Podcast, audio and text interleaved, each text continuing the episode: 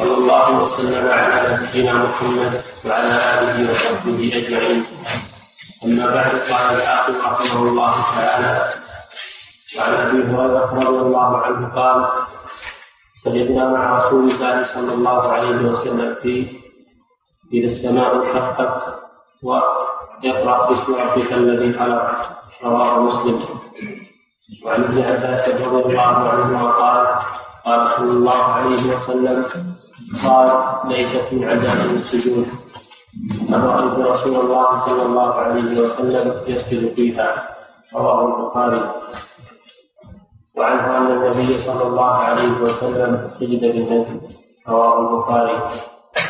وعن زيد بن ثابت رضي الله عنه قال قرأت على قرأت على النبي صلى الله عليه وسلم النجم فلم يسجد فيها. متفق عليه. وعن خالد بن معدان رضي الله عنه قال فضلت سورة الحج بسجدتين رواه أبو داود في المراسيل. ورواه أحمد والترمذي موصولا من حديث عقبة بن عامر وزاد فمن لم يسجدهما فلا يقرأها. وسنده ضعيف. وعن عمر رضي الله عنه قال يا أيها الناس إنا نمر بالسجود ومن سجد فقد أصاب ومن لم يسجد فلا إثم عليه. رواه البخاري وفيه. إن الله تعالى لم يكتب السجود إلا أن شاء وهو في الموقف. وعن ابن عمر رضي الله عنهما قال كان النبي صلى الله عليه وسلم يقرأ علينا القرآن فإذا مر بالسجدة كفر وسجد وسجدنا معه. رواه أبو داود بسند دين وعن أبي بكر رضي الله عنه أن النبي صلى الله عليه وسلم كان إذا جاءه خبر من شر يسر خر ساجدا لله. رواه الخمسة إلا النسائي. وعن عبد الرحمن بن عوف رضي الله عنه قال وجد النبي صلى الله عليه وسلم فأطال السجود ثم رفع رأسه. فقال إن جبريل أتاني فبشرني سجدت لله شكرا رواه أحمد وصححه الحاكم. وعن البراء بن عازب رضي الله عنه أن النبي صلى الله عليه وسلم بعث عليا إلى اليمن فذكر الحديث قال فكتب علي بإسلامهم فلما قرأ رسول الله صلى الله عليه وسلم الكتاب خر ساجدا شكرا لله تعالى على ذلك رواه البيهقي واصله في البخاري. بسم الله الرحمن الرحيم. الحمد لله رب العالمين. وصلى الله وسلم على نبينا محمد وعلى آله وصحبه وبعد. هذه الأحاديث في نوعين من السجود سجود التلاوة وسجود الشكر. وقد سبق أن الحافظ رحمه الله ترجم فقال باب سجود السهو وغيره. والمراد بغيره هذان النوعان سجود التلاوة وسجود الشكر. سجود التلاوة هو السجود الذي يشرع عندما يقرأ الإنسان آية فيها سجدة وسجود الشكر يشرع حينما تتجدد نعمة للإنسان أو للمسلمين عموما أو تندفع نقمة عن الإنسان أو عن المسلمين. في هذه الأحاديث مشروعية السجود في هاتين المناسبتين. نعم. عن أبي هريرة رضي الله عنه قال سجدنا سجدنا مع رسول الله صلى الله عليه وسلم في اذا السماء انشقت واقرأ باسم ربك الذي خلق رواه مسلم. سجود التلاوة أجمع أهل العلم على مشروعيته ولكن اختلفوا هل هو واجب أو مستحب. فجمهور أهل العلم على أنه مستحب. من فعله فله أجر ومن تركه فلا إثم عليه. بدليل حديث عمر الآتي إن الله لم يفرض علينا السجود إلا أن نشاء. وذهب الإمام أبو حنيفة إلى أنه واجب إلى أن سجود التلاوة واجب وليس بفرض لأن عنده فرقا بين الفرض وبين الواجب.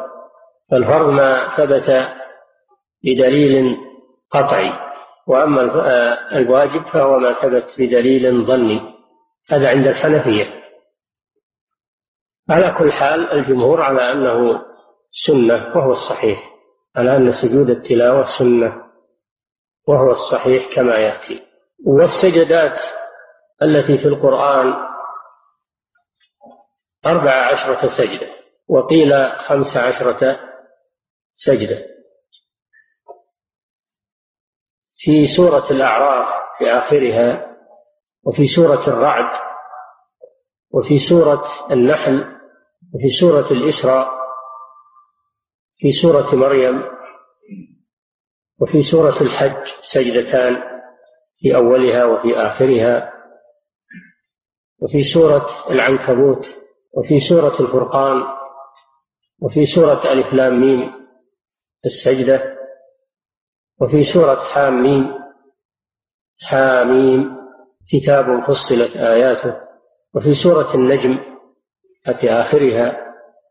وفي سورة إذا السماء انشقت في آخرها وفي سورة العلق في آخرها.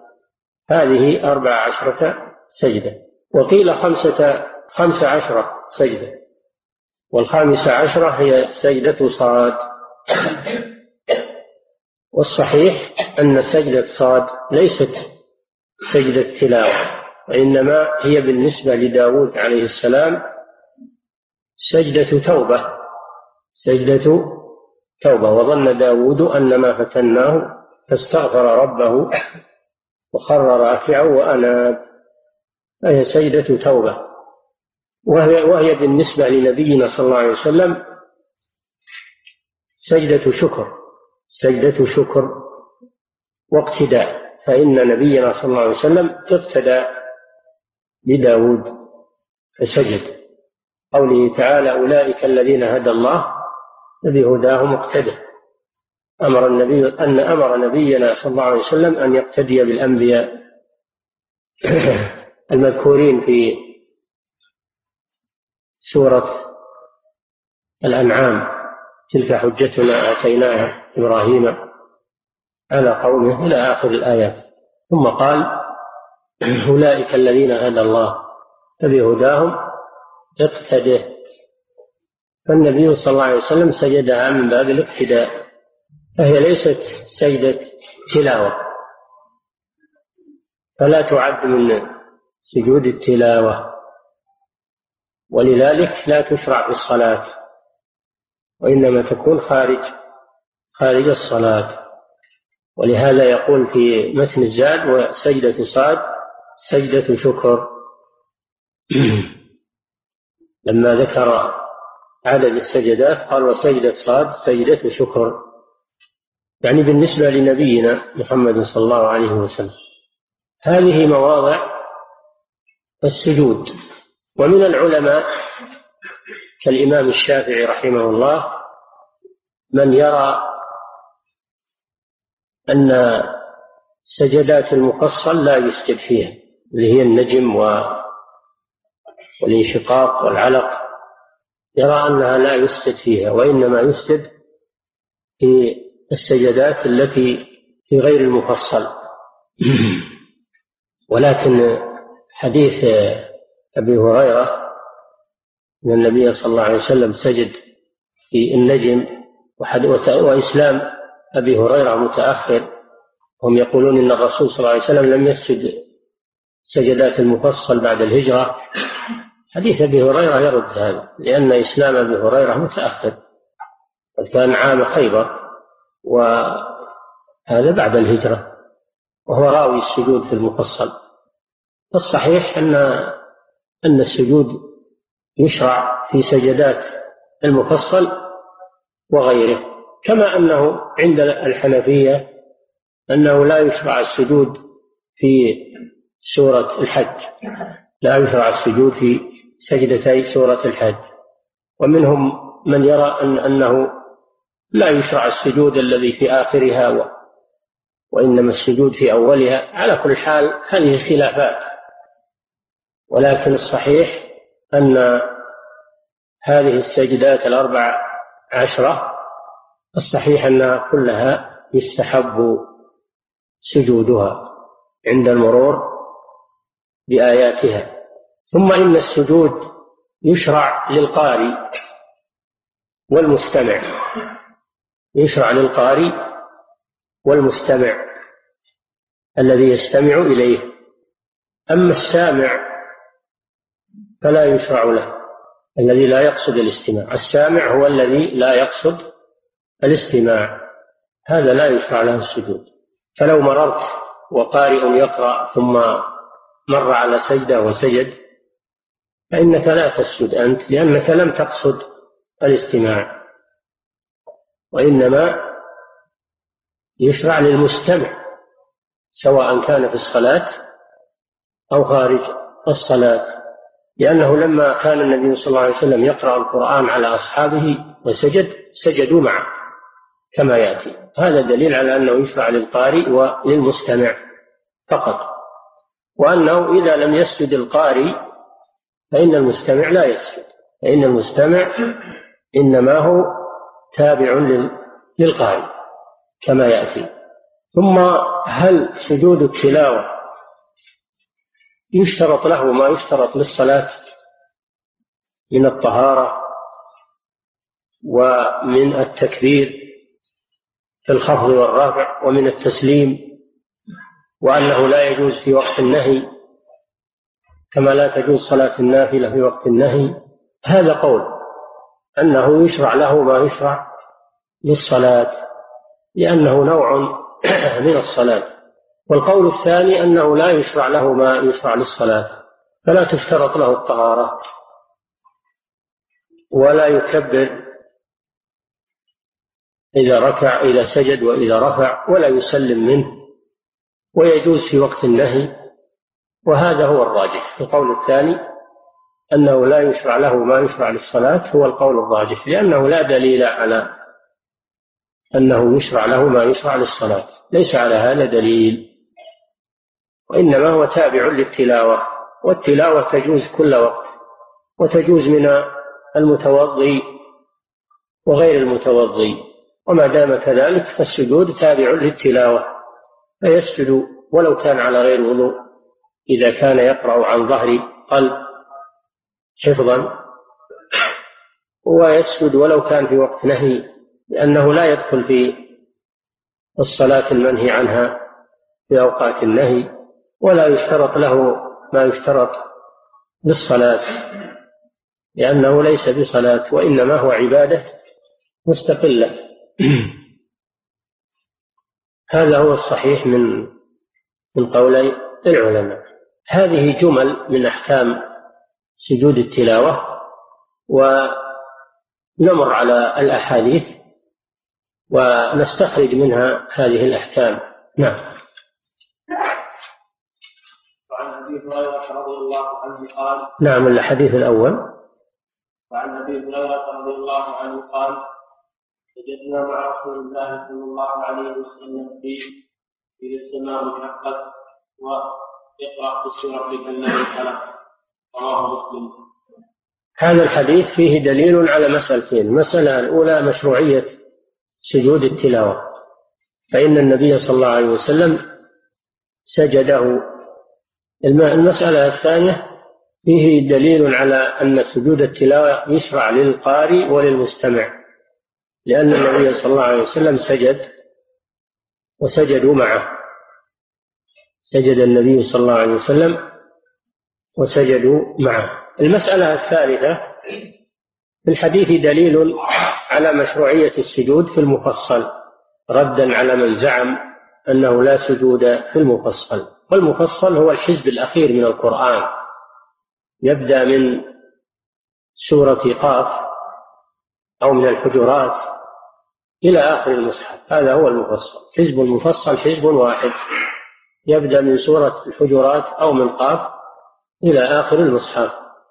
وفيه ثلاث سجدات كما سمعتم في النجم وفي الانشقاق وفي اقرأ باسم ربك الذي خلق. في النجم في قوله تعالى فاسجدوا لله واعبدوا هذا آخر السورة وفي الانشقاق في قوله تعالى وإذا قرئ فما لهم لا يؤمنون وإذا قرئ عليهم القرآن لا يسجدون. وفي سورة العلق قوله تعالى كلا لا تطعه واسجد واقترب نعم. عن ابن عباس رضي الله عنهما قال قال صلى الله عليه وسلم صاد ليست من عزائم السجود.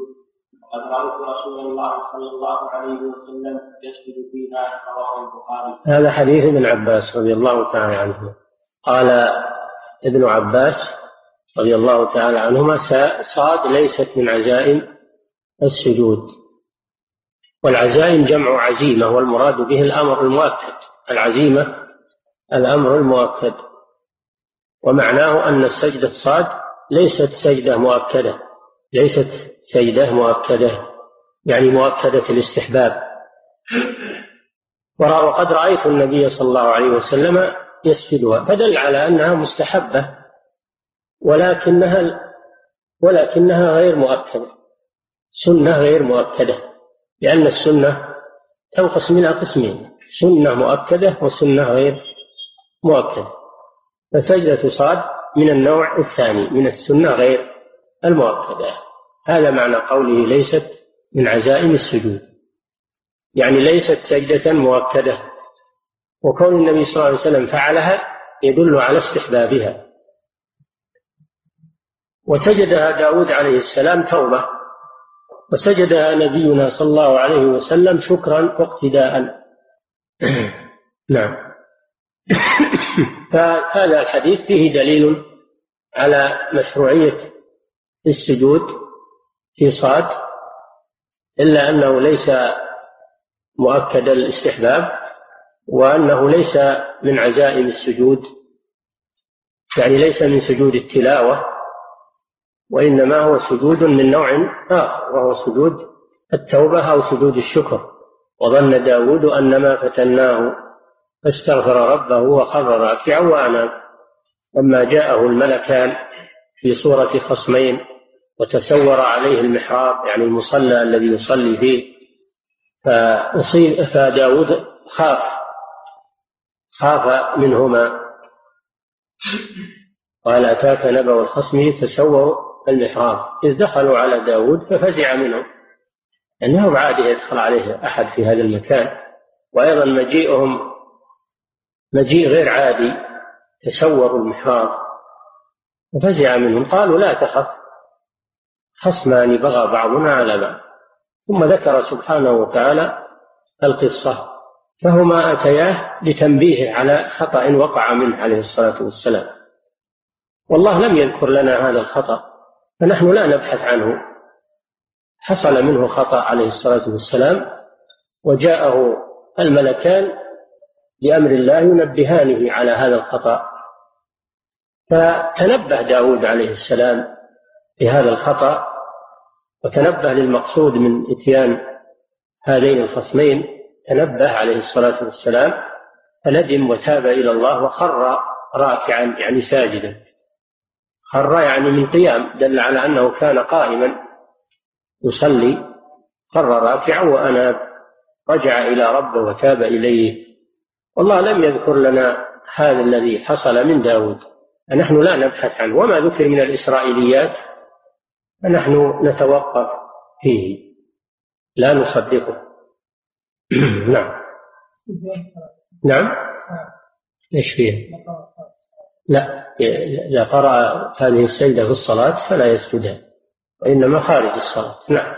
وعن النبي صلى الله عليه وسلم البخاري ثبت أن النبي صلى الله عليه وسلم سجد للنجم وسجد معه المسلمون والمشركون الذين كانوا حاضرين.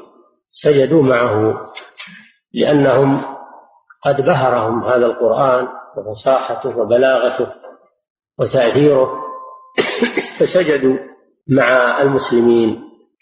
فلما انتشر الخبر وبلغ المسلمين الذين في الحبشة أن المشركين سجدوا ظنوا أنهم أسلموا فجاء بعضهم من الحبشة ظنوا أن المشركين أسلموا وهم في الحقيقة لم يسلموا وإنما سجدوا تأثرا بالقرآن العظيم لما سمعوه.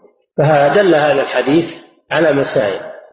المسألة الأولى مشروعية سجود التلاوة. المسألة الثانية مشروعية السجود في المفصل.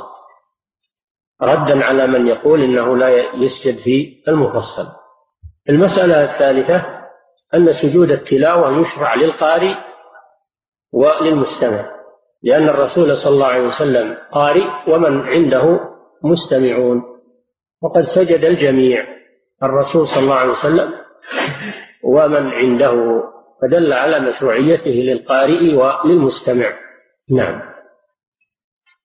وعن زيد بن ثابت رضي الله عنه قال قرأت على النبي صلى الله عليه وسلم النجم فلم يسجد فيها. متفق عليه. الحديث الذي قبله فيه أنه سجد في النجم. وهذا ثابت عنه صلى الله عليه وسلم. وفي هذا الحديث أن زيد بن ثابت زيد نعم. نعم أن زيد بن ثابت قرأها على النبي صلى الله عليه وسلم فلم يسجد. فهل بينهما تعارض؟ لا ليس بينهما تعارض. لأن النبي صلى الله عليه وسلم لم يسجد لأن زيدا هو القارئ وإذا لم يسجد القارئ فإنه لا يسجد المستمع. فزيد هو القارئ والنبي صلى الله عليه وسلم مستمع. فلما لم يسجد القارئ لم يسجد المستمع. فهذا الحديث فيه دليل على أنه إذا لم يسجد القارئ فإنه لا يسجد المستمع. وفيه فضيلة لزيد بن ثابت رضي الله عنه حيث إن النبي صلى الله عليه وسلم استمع إلى إلى قراءته. نعم. وعن خالد بن معدان رضي الله عنه قال فضيلت سورة الحج رواه أبو داود في ورواه أحمد والترمذي موصولا من حديث بن عامر ومن لم يسجدهما فلا يقرأها وسنده ضعيف. هذا الحديث فيه دليل على ثبوت السجدتين في سورة الحج. في أولها في قوله تعالى ألم ترى أن الله يسجد له من في السماوات ومن في الأرض الشمس والقمر والنجوم والجبال والشجر والدواب كثير من الناس وكثير حق عليه العذاب ومن يهن الله فما له من مكرم إن الله يفعل ما يشاء. وفي آخرها في قوله يا أيها الذين آمنوا اركعوا واسجدوا واعبدوا ربكم وافعلوا الخير لعلكم تفلحون. فهذه السورة خصت من بين السور وفضلت لأن الله جعل فيها سجدتين في أولها وفي آخرها. فدل هذا الحديث على مسائل. الأولى فضيلة سورة الحج. ولا شك أن القرآن يتفاضل. بعضه أفضل من بعض بخصائص يجعلها الله في بعضه دون بعض. تتفاضل السور تتفاضل الآيات تفاضل وكله كلام الله عز وجل وكله قرآن ولكن يتفاضل بعضه على بعض. فالفاتحة أفضل سورة في القرآن. وآية الكرسي أفضل آية في كتاب الله. سورة الحج فضلت بسجدتين حيث لا توجد هذه الخاصية في غيرها من السور. ولا يقتضي هذا أنها هي أفضل القرآن ولكن فيها فيها فضل على غيرها بهذه الخاصية. فهذا الحديث أولا فيه فضل هذه السورة بسبب هاتين السجدتين فيها دون بقية السور. ثانيا فيه دليل على مشروعية السجود في سجدتي هذه السورة. ردا على من زعم أنه لا يشرع السجود فيهما أو أنه مقصور على السجدة الأولى. دون الثاني. الحديث فيه رد على من زعم هذا. نعم. وعن عمر رضي الله عنه قال يا أيها الناس إنما أمرنا يا أيها الناس إنا نمر بالسجود ومن سجد فقد أصاب ومن لم يسجد فلا إثم عليه. رواه البخاري وفيه إن الله تعالى لم يفرض السجود إلا أن شاء وهو في الموضع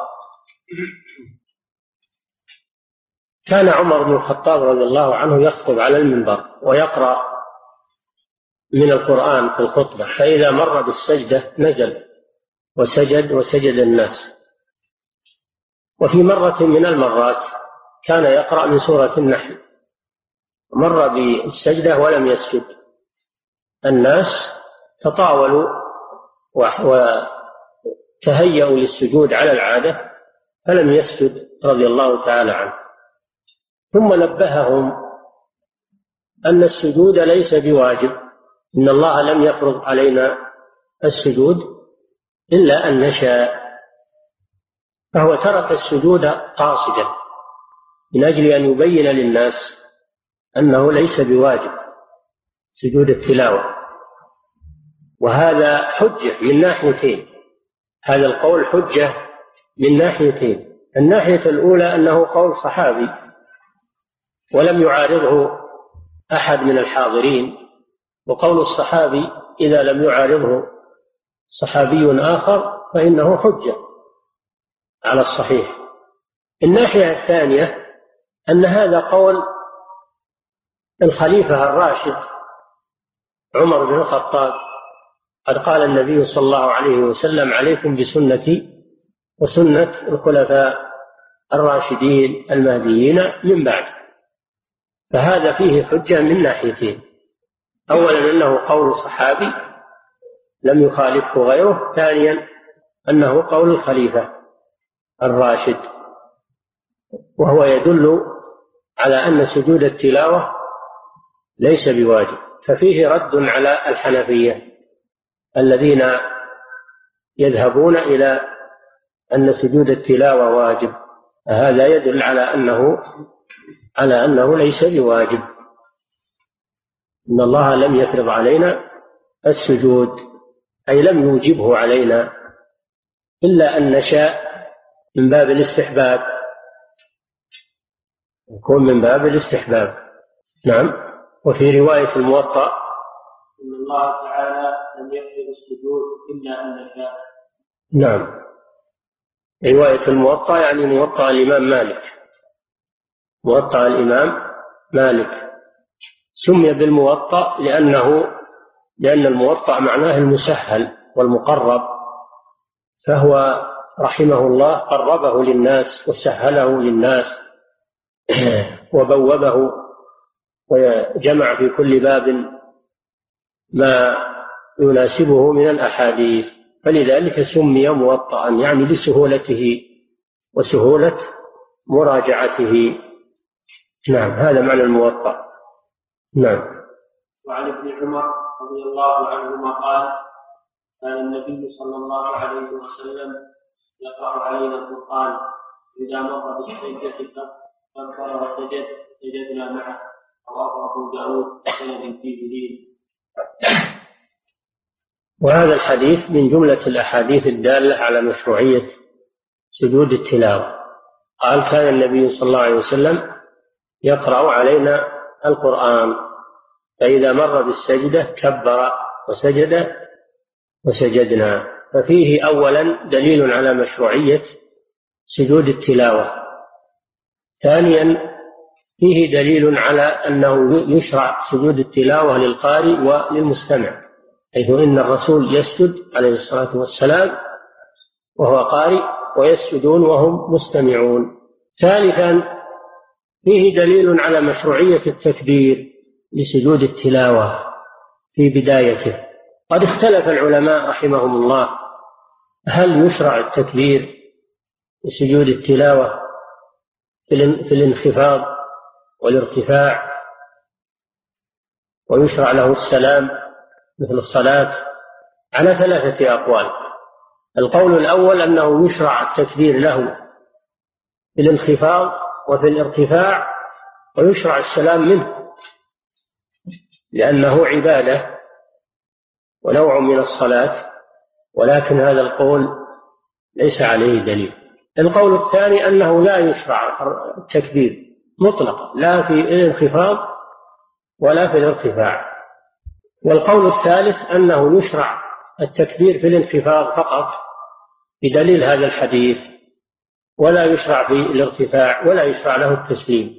القول الرابع التفصيل أنه إن كان السجود سجود التلاوة في الصلاة داخل الصلاة فإنه يشرع له التكبير في الانخفاض وفي الارتفاع لأن النبي صلى الله عليه وسلم كان يكبر في كل خفض ورفع يعني في الصلاة. وهذا منه أما إن كان خارج الصلاة فلا يشرع له تكبير وهذا القول هو الراجح والله أعلم. أنه إن كان داخل الصلاة يشرع التكبير الانخفاض والارتفاع لأنه صلى الله عليه وسلم كان يكبر في كل خفض ورفع من الصلاة وهذا منه. أما إن كان خارج الصلاة فإنه لا يشرع له التكبير لأنه لا دليل على ذلك. نعم. وعن أبي بكر رضي الله عنه أن النبي صلى الله عليه وسلم كان إذا جاءه خبر يسره بقيت مسألة في سجود التلاوة وهي ما ماذا يقال فيه ماذا يقال في سجود التلاوة؟ هذه مسألة مهمة يسأل عنها كثير من الناس. والجواب أنه يقال فيه ما يقال في سجود الصلاة. سبحان ربي الأعلى لأنها لما نزلت قال النبي صلى الله عليه وسلم اجعلوها في سجودكم. وهذا يعم كل سجود. هذا يعم كل سجود. قول سبحان ربي الأعلى.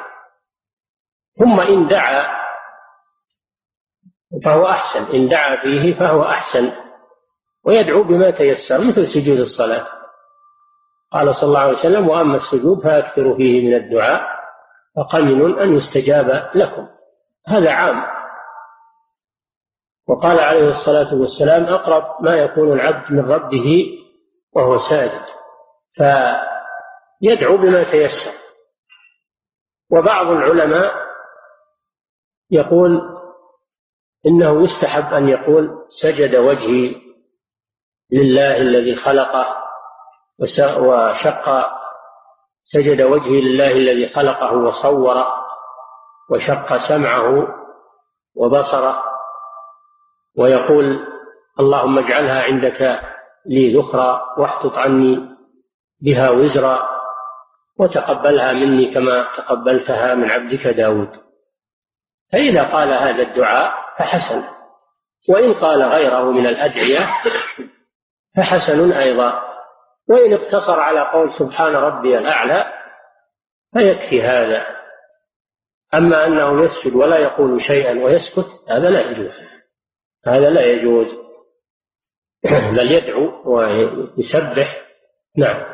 وعن أبي بكر رضي الله عنه إن النبي صلى الله عليه وسلم كان إذا جاءه خبر من كفر قرر سبيل لله رواه الخمسه في انتقل الآن إلى النوع الثالث من أنواع السجود وهو سجود الشكر. سجود الشكر يشرع عندما تتجدد نعمة أو تندفع نقمة. عندما تتجدد نعمة للمسلم في خصوصه أو لعموم المسلمين. نعمة متجددة أما غير المتجددة فلا يشرع لها سجود لأن لأن العباد دائما في نعم الله عز وجل. ما لا ينفكون من نعم الله أبدا ولكن المقصود النعمة المتجددة الحادثة. هذه هي التي يسجد لها أما النعم غير المتجددة وهي المتكررة المستديمة فهذه لا يشرع لها سجود لأنه لو شرع لها السجود فإن الناس لا يزالون ساجدين لأنهم لا تنفك نعم الله عليهم دائما وأبدا. هذا معنى قولهم عند تجدد نعمة أو اندفاع نقمة كأن يكون هناك عدو يهدد المسلمين ثم إن الله يهلكه وينصر المسلمين عليه أو تفتح بلاد من بلاد الكفار. فهذه هذه آه، تجدد نعمة فتح البلاد هذا تجدد نعمة. أو ولادة مولود للإنسان ولد له مولود هذا تجدد نعمة وهي خاصة بالإنسان. وفتح البلاد هذا عام للمسلمين.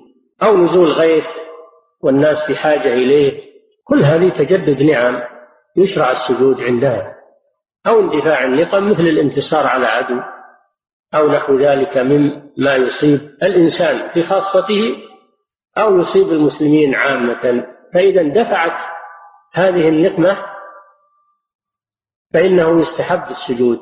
وفي هذا الحديث هذين الحديثين أن النبي صلى الله عليه وسلم سجد عند تجدد النعمة. نعم. الحديث الأول.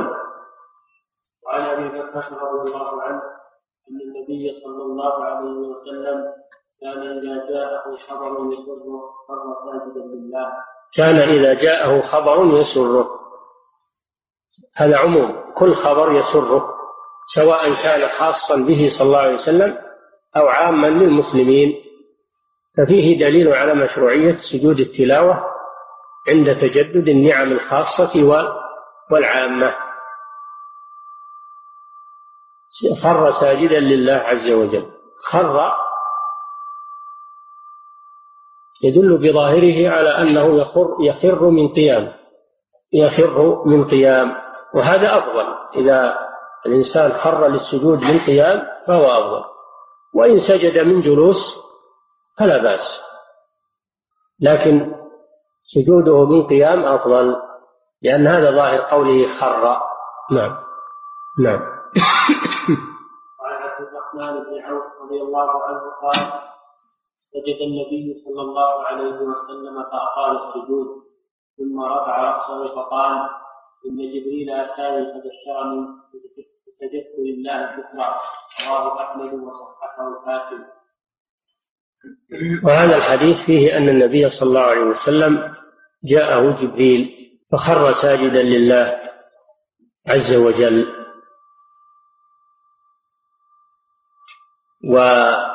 وجبريل عليه السلام أتى النبي صلى الله عليه وسلم فأخبره أن الله سبحانه وتعالى قال من صلى عليك صلاة واحدة صلى الله عليه بها عشرا فلما نزل عليه هذا الوحي بواسطة جبريل فهذا نعمة من الله عز وجل على نبيه صلى الله عليه وسلم تشريف له وهو أيضا نعمة للأمة في تحصيل هذا الأجر العظيم.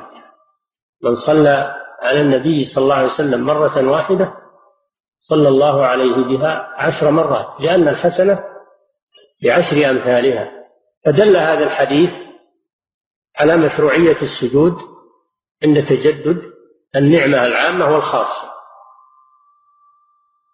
وفيه دليل على مشروعية الصلاة على النبي صلى الله عليه وسلم.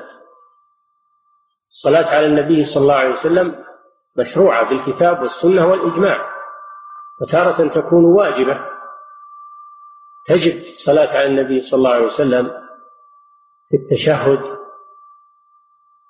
وعند ذكره صلى الله عليه وسلم وتستحب في سائر الأحوال والإكثار منها فضيلة تارة من باب الوجوب وتارة من باب من باب الاستحباب وكل ما أكثر الإنسان منها زاد أجره عنده. ويفيد أيضا الفضل الذي يحصل للمصلي عليه أن الصلاة الواحدة بعشر صلوات كما أنه يفيد كما أسلفنا مشروعية سجود التلاوة عند تجدد النعمة. نعم. وعند عند اندفاع النقمة فقد سجد أبو بكر رضي الله عنه لما بلغه قتل مسيلمة الكذاب خر لله ساجدا لأن هذا اندفاع نقمة عن المسلمين. نعم. وعن البراء بن عازب رضي الله عنه أن النبي صلى الله عليه وسلم بعث عليا إلى اليمن فذكر الحديث قال فكتب علي بإسلامهم فلما قرأ رسول الله صلى الله عليه وسلم الكتاب خر ساجدا شكر لله تعالى على ذلك. رواه البيهقي وأخذه في البخاري. وهذا الحديث أيضا فيه دليل على مشروعية سجود الشكر عند تجدد النعمة. فإن النبي صلى الله عليه وسلم لما بلغه أن أهل اليمن أسلموا خر ساجدا لله عز وجل. هذا فيه تجدد نعمة نعمة عامة للمسلمين فيه انتصار للمسلمين وفيه نعمة على هؤلاء الذين أسلموا وخرجوا من الكفر إلى الإيمان فهو نعمة. لذلك سجد النبي صلى الله عليه وسلم لله شكرا عند حدوثه فدل على مشروعية سجود الشكر عند تجدد النعمة. ودل أيضا على حرصه صلى الله عليه وسلم على هداية الخلق. فإنه فرح بذلك وسجد شكرا لله عز وجل. ففيه دليل على حرصه صلى الله عليه وسلم على هداية الخلق. وفيه دليل على أن ولي الأمر يرسل يرسل الدعاة إلى الله عز وجل كما أرسل النبي صلى الله عليه وسلم. علي بن أبي طالب وأرسل معاذ بن جبل إلى اليمن وأرسل غيرهم إلى جهات أخرى. ففيه دليل على مشروعية إرسال الدعاة إلى الجهات التي يحتاج أهلها إلى دعوة إلى الله عز وجل. نعم. باب صلاة التطوع. يكفي نقف عند هذا. وفي الليلة القابلة ما في شيء ليلة الأربعاء ما في شيء. نعم. وإن شئتم أن ننهي الدروس بمناسبة الامتحان. نعم. باقي أسبوع. يعني ما تبدأ الإجازة إلا الأسبوع اللي بعد هذا؟ طيب. نعم. نعم. هل السجود اتصال نعم. نعم. هل السجود في صلاة خاص بالنبي صلى الله عليه وسلم وما حكم السجد فيها؟ الصلاة لا يسجد فيها إيصاد وأما خارج الصلاة فلا بأس. يسجد المسلم إن شاء إن شاء سجد. نعم. اقتداء بنبي الله صلى الله عليه وسلم. نعم. خارج الصلاة لا بأس. أما في الصلاة حتى قالوا تبطل به الصلاة. في متن الزاد أنها تبطل الصلاة إذا سجد في صاد لأنها سجود شكر وليست سجود تلاوة. نعم. وإن الذي يشرع في الصلاة هو سجود التلاوة فقط. نعم. نعم. إذا سجد عن جهل فصلاته صحيحة إن شاء الله. بل إن بعض العلماء يقول تصح صلاته ولو كان غير جاهل لأن هذه السجدة تابعة للتلاوة. نعم. الله أعلم. لا على كل حال الأحوط أنه ما يسجد في الصلاة. سجدة صاد. خارج الصلاة. نعم. فضيلة الشيخ ما معنى مشروعية السجود؟ ما معنى المشروعية؟ المشروعية تعم الاستحباب والوجوب. يعبرون بالمشروعية من أجل تعم الوجوب والاستحباب. فهي عبارة صالحة للجهتين. نعم. الشيخ من هو الجمهور؟ أكثر العلماء. إذا قيل الجمهور أريد بهم أكثر العلماء. كثرة. نعم. فضيلة الشيخ هل يجوز هل يجوز سجود الشكر عند الركوع في الصلاة بعد انقضائها أو عند حفظ جزء من القرآن أو شيء أو شيء من السنة؟ لا هذا غير مشروع ما ذكر النبي صلى الله عليه وسلم كان يخشع في الصلاة ولا ذكر أنه يسجد بالشكر والخلفاء كانوا يخشعون في صلاتهم ولا ذكر أنهم يسجدون للشكر. هذا لا غير مشروع هذا غير مشروع. وأما إذا أكمل الإنسان حفظ القرآن لا شك أن هذه نعمة. إذا أكمل حفظ القرآن وسجد للشكر فلا بأس. لأن هذا تجدد نعمة للمسلم. نعم. أو حفظ ولده القرآن. ولد بلغ في الخبر أنه حفظ القرآن. سجدت شكرا لله هذا شيء طيب. نعم. أو بلغك أن ولد كتاب مثلا لك ولد أو قريب كان عاصيا وفاسقا ثم بلغك أنه تاب واهتدى سجدت شكرا لله. طيب كل هذا تجدد نعم نعم. إذا كان النبي صلى الله عليه وسلم سجد لما بلغه أن أهل اليمن أسلموا.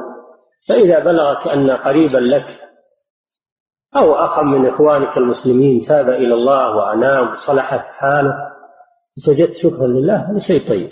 نعم. هل يلزم سجود الشكر ركعتان لا يصلي ركعتين؟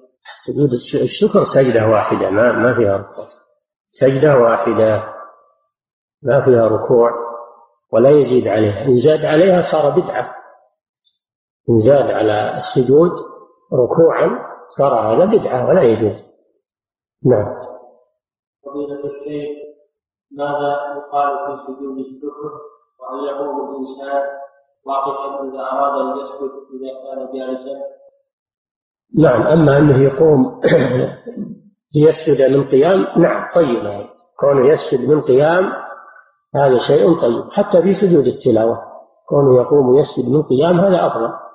وأما ما يقال في سجود الشكر فلم يرد فيه شيء بخصوصه فيقول فيه مثل ما يقول في سجود الصلاة. يقول سبحان ربي الأعلى ويكررها ويدعو بما تيسر مثل ما يدعو في سجود الصلاة. نعم. السجود في سورة يوسف نعم. السجود في سورة يوسف لمن؟ هذا سجود تحية. سجود تحية مثل سجود الملائكة لآدم. هذا سجود تحية. ليس سجود عبادة. سجود العبادة لا يجوز إلا لله سبحانه وتعالى وإنما هذا سجود تحية وهو جائز في شرع من قبلنا أما في شرعنا فلا يجوز السجود إلا لله لا سجود تحية ولا سجود عبادة لا يجوز السجود ولا الركوع والانحناء لا يجوز لمخلوق هذا في شرعنا أما في شرع من قبلنا سجود التحية مثل ما حصل من من من يعقوب والأسباط ليوسف هذا سجود تحية جائز في شريعتهم. نعم. نعم. سجود التلاوة إن قلنا إنه صلاة فهو يلزم استقبال القبلة وإن قلنا إنه غير صلاة فلا يلزم. إيه يقرأ ويسجد على أي جهة ما يفعل لكن من باب القاعدة العامة يقولون كل عبادة يستحب أن تكون متجهة إلى القبلة باب العموم لا بأس. نعم. ذكرتم رحمه الله لأن سجود التلاوة يكره ما لا يكره للصلاة هذا ذكرنا قلنا ما في دليل على اشتراط استقبال القبلة لسجود التلاوة بل إنه إن سجد إلى أي جهة هو متوجه إليها فلا بأس بذلك. لأنه لم يرد دليل تحديد السجود للقبلة سجود التلاوة ولأنه ليس صلاة. نعم. ولكن سجوده مستقبل القبلة لا شك أنه أفضل. لكن لا ننكر عليه لو سجد إلى غير القبلة سجود التلاوة ما ننكر عليه. نعم. في السنة الصحيحة. ذكر معين يقال لمن لم يسجد سجد التلاوة؟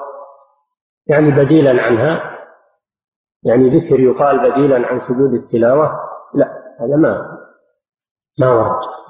ومن جاء بذكر وقال هذا بدل عن التلاوة يكون بدعة يكون بدعة. نعم. نعم. ها؟ إيه يسجد يومي بالسجود إيما إذا كان ما يقدر يسجد على على الأرض على أرضية السيارة يومي برأسه. لا بأس. نعم قضية الشيخ هل الصلاة على النبي صلى الله عليه وسلم واجبة كلما ذكر؟ صلى الله عليه وسلم. نعم.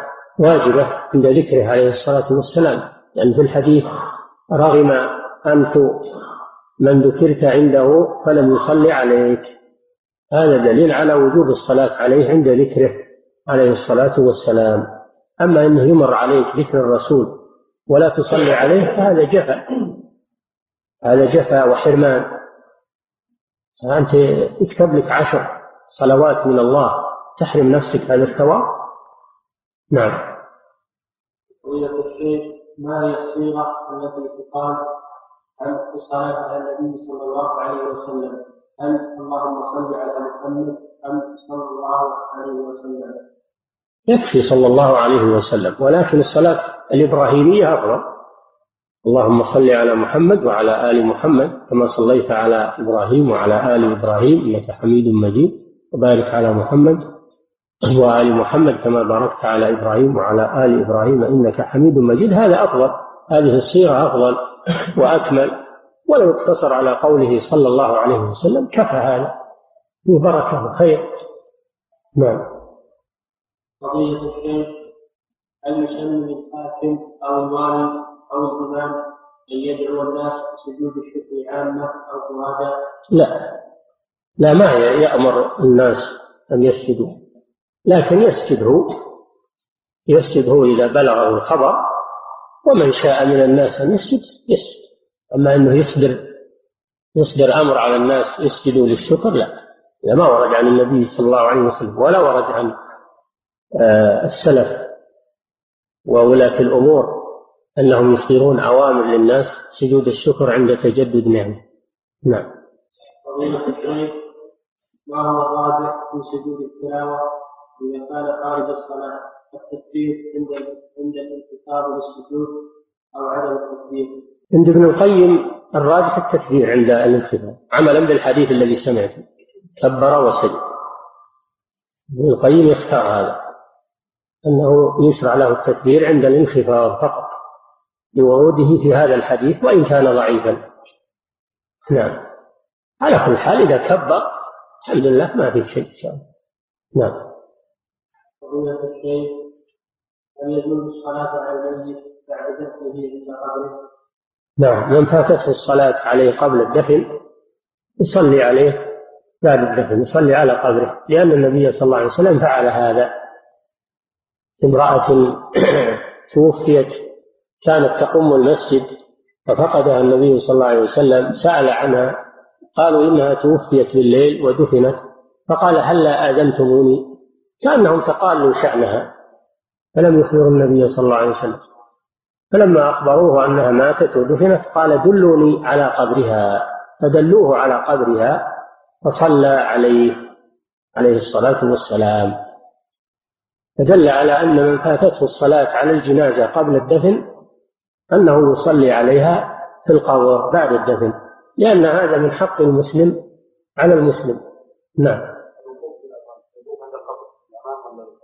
يجعل القبر أمامه مثل الجنازة تماما. يجعل القبر أمامه ويصلي صلاة الجنازة مثل الجنازة. نعم. ها؟ لا يكرر الصلاة إذا صلى عليها خلاص. ها؟ لا لا يكفي. من من صلى عليها لا يكرر الصلاة. نعم. في واحد يسأل مدري.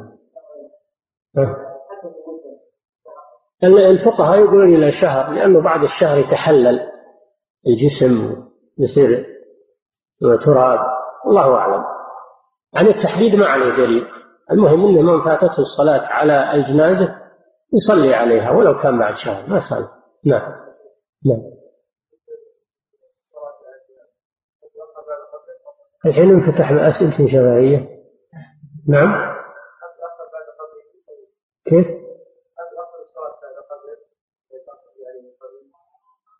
لا ما دام إنها أدركها قبل تدفن يصلي على الجنازة. إذا أدركه قبل الدفن يصلي عليه قبل يدفن.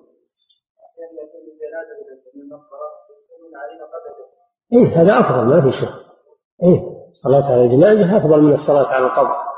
فإذا أمكن صلى على الجنازة نعم.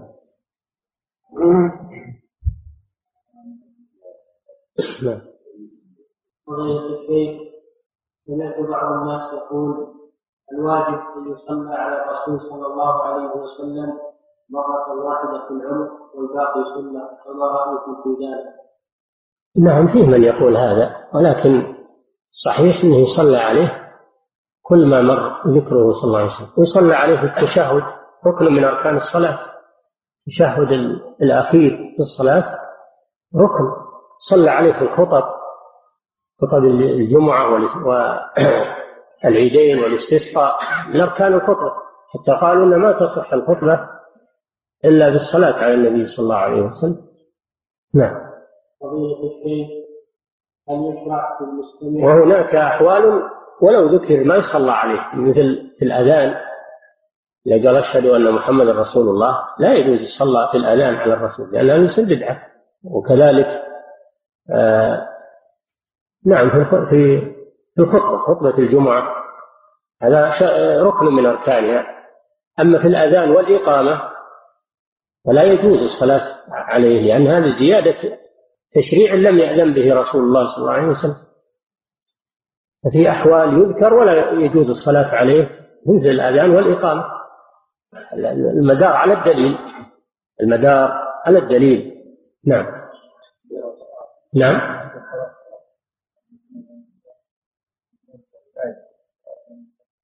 إذا صلى عليه في نفسه في الصلاة لا بأس. لا بأس أن يصلي عليه في نفسه. نعم. طيب. محمد رسول الله إذا مرت هذه الآية وما محمد إلا رسول صلي عليه خارج الصلاة. وداخل الصلاة أيضا لكن ما يرفع صوته. نعم. قضية الشيخ هل يشرع المستمع أن يسجد التلاوة وقال أن يسجد أم أن ذلك لا يجوز؟ لا يجوز هذا غير مشروع لأن زيد بن ثابت كان يقرأ على النبي صلى الله عليه وسلم فلم يسجد زيد فلم يسجد النبي صلى الله عليه وسلم. فالمستمع تابع للقارئ. إن سجد سجد معه وإن لم يسجد فإن المستمع لا يسجد. نعم. إمام صلى بجماعة ثم سلم بعد بعد الفراغ منها بصوت منخفض ونسي أنه إمام وبعد ذلك رفع صوته بالسلام مرة أخرى فهل عليه سجود هل عليه سجود السهو وما حكم فعله؟ إذا كانوا ما سمعوه هو يسلم يرفع صوته بالسلام ولا يسجد للسهو. لا يسجد للسهو. يرفع صوته علشان يسمعونه المأمومون يسلمون معه. ولا يسجد للسهو. نعم. فضيلة الشيخ إذا وصل شخص من السفر وأراد أن يعبد عن شكره لربه بعبادة يعملها فإن أولى أن يصلي ركعتين سواء بالمسجد قبل الدخول إلى أهله أو بالبيت إذا وصل أم يكتفي بسجدة الشكر؟ لا سجدة الشكر هذه ما وردت. إن الرسول يسجد الشكر إذا قدم الإنسان إنما الذي ورد أنه يبدأ في المسجد عليه الصلاة والسلام ويصلي ركعتين. الأفضل أنه يذهب إلى المسجد ويصلي ركعتين كما كان النبي صلى الله عليه وسلم يفعل. وإن صلاهما في بيته فحسن أيضا لا بأس. لكن المسجد أفضل ابتداء بالنبي صلى الله عليه وسلم. نعم. فضيلة الشيخ هل يجوز إهداء قراءة القرآن كله لوالدي المتوفي؟ لم يرد بهذا دليل. قراءة القرآن وإهداء ثوابه إلى الأموات لم يرد به دليل.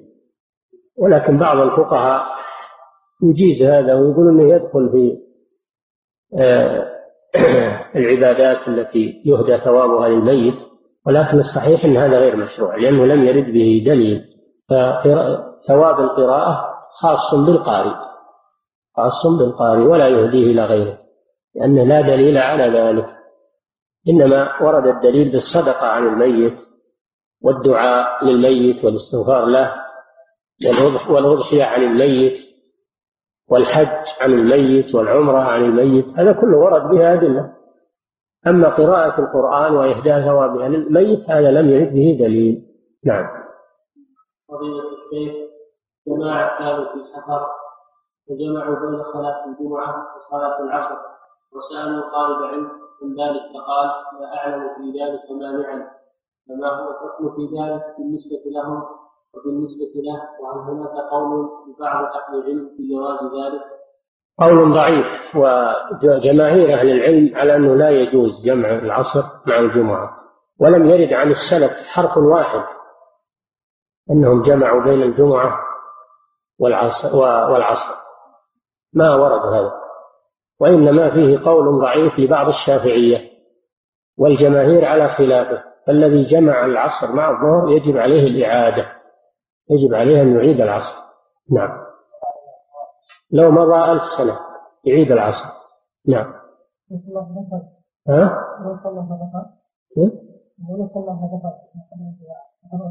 هذا جمع الظهر مع مع الجمعة. صلى مع مع الناس الجمعة ولما سلموا من الجمعة قاموا جاب العصر. ما يصلح ما تجمع ما دخل وقتها إلى الآن. صلى في وقته في وقت العصر. نعم. يقول حضر الجمعة يعني صلى الظهر والعصر؟ إذا أنه صلى الظهر والعصر جميع هذا ما في مانع. مسافر ولا حضر الجمعة مع المقيمين وصلى الظهر وجمع إلى العصر ما في بأس. إنما الكلام على جمع الظهر جمع العصر مع الجمعة مع الجمعة. نعم. إذا سأل الإمام ولم يدري وبعد السلام بقليل أخبر فقام للإتمام ولكن هناك من فاته جزء من الصلاة. فقام يكمل صلاته دون علمه بسهو الإمام فهل يكمل صلاته لوحده أم أنه يجب أن يعود في متابعة الإمام؟ مخير. إن شاء أتم صلاته منفردا لأنه فارق الإمام وإن شاء دخل مع الإمام وكمل معه. ما في بس. نعم. فضيلة الشيخ ما صحة حديث؟ وصلى علي أنت زاحم زاحم كتفي كفه دخول الجنة. والله ما أعرف هذا. ما أعرف هذا. نعم فضيلة الشيخ ما حكم التجارة في العملات المعدنية؟ بمعنى ما يقوم به بعض الناس ببيع تسعة ريالات معدنية بعشرة ريالات ورقية وهل يجوز التعامل معهم عند الحاجة؟ لا يجوز بيع الريالات السعودية بريالات سعودية ثانية متفاضلة لأن النقد واحد والسكة واحدة. وهذا جنس واحد لأن كل ريال سعودي فلا يجوز بيع بعضه ببعض متفاضلا نعم. قضية الشيء ما معنى في إسناد لين يعني ضعف شيء من الضعف. لين يعني شيء من الضعف. نعم. فضيلة الشيخ هل إذا أكلت طعاما أخبر شكرا لله تعالى على هذه النعمة؟ لا هذا ما هو مشروع. الإنسان تبكي تسجد تسجد بالغداء وبالعشاء وبالدائم كل ما كانت شيء تسجد أيضا هذا لم لم يرد عن النبي صلى الله عليه وسلم إذا أكل طعام يسجد. شكر لله. نعم. قلنا هذه هذه نعمة ما هي متجددة هذه متكررة. والنعم المتكررة لا يسجد لها. نعم. الشيخ قول إنا لله إنا إليه راجعون. ورد في قبضها عند المصيبة. خاص بالمصيبة الدنيوية أم الدينية أيضا فمن لم يخشع في صلاته فيقول إنا لله وإنا إليه راجعون. اللهم أجرني في مصيبتي واخلق لي خيرا منها. لا هو إذا كانت المصيبة في في في ولد أو في قريب أو أو في فوات عبادة عظيمة لا بأس أن يقول إنا لله وإنا إليه راجعون. لو فاتته الصلاة مثلا هذه مصيبة لا شك. يقول إنا لله وإنا إليه راجعون. أما المصائب اليسيرة العادية فهذه لا يشرع عندها. المصائب العظيمة مصيبة في الدين أو مصيبة في الدنيا أو مصيبة في النفس أو في القريب. مصائب عظيمة. نعم. عندنا في بلادنا رئيس رئيس مريض وعندما برئ تجمعوا في ساحة كبيرة صلوا ركعتين وقالوا هذه صلاة الكفر فما حكم هذه الصلاة؟ هذه من عندهم. هذه من عندهم. ما ما تعداهم. بدعة والعياذ بالله. ولا تقبل. لأن هذه بدعة. نعم. فضيلة الشيخ هي أعظم أسباب انشراح الصدر؟ انشراح الصدر. كثرة تلاوة القرآن وذكر الله عز وجل. الذين آمنوا وتطمئن قلوبهم بذكر الله. ألا بذكر الله؟ تطمئن القلوب. وأعظم أسباب انشراح الصدر الإيمان. فمن يريد الله أن يهديه يشرح صدره للإسلام. الإيمان. يشرح الله به الصدر وينور به القلب. فعل الطاعات يشرح الصدر. الإكثار من ذكر الله عز وجل يشرح الصدر. نعم. ما رأيكم في من يقول إن أول خليفة خرج في الإسلام ومعاوية بن أبي سفيان رضي الله عنه. كيف خرج في الإسلام؟ كلام هو طيب معاوية ما خرج وليس هو من الخوارج وإنما حصل بينه وبين علي حروب اجتهادية. علي رضي الله عنه يرى أنه هو الخليفة ومعاوية يرى أنه يطالب بدم عثمان يطالب بتسليم القتلة. الذين قتلوا عثمان لإقامة القصاص عليهم وكل منهم مجتهد رضي الله تعالى عنهما. ولا يجوز لنا أن ندخل في هذا الأمر ونبحث فيه. معاوية ليس من الخوارج وإنما هو من صحابة رسول الله صلى الله عليه وسلم ومن الخلفاء خلفاء المسلمين.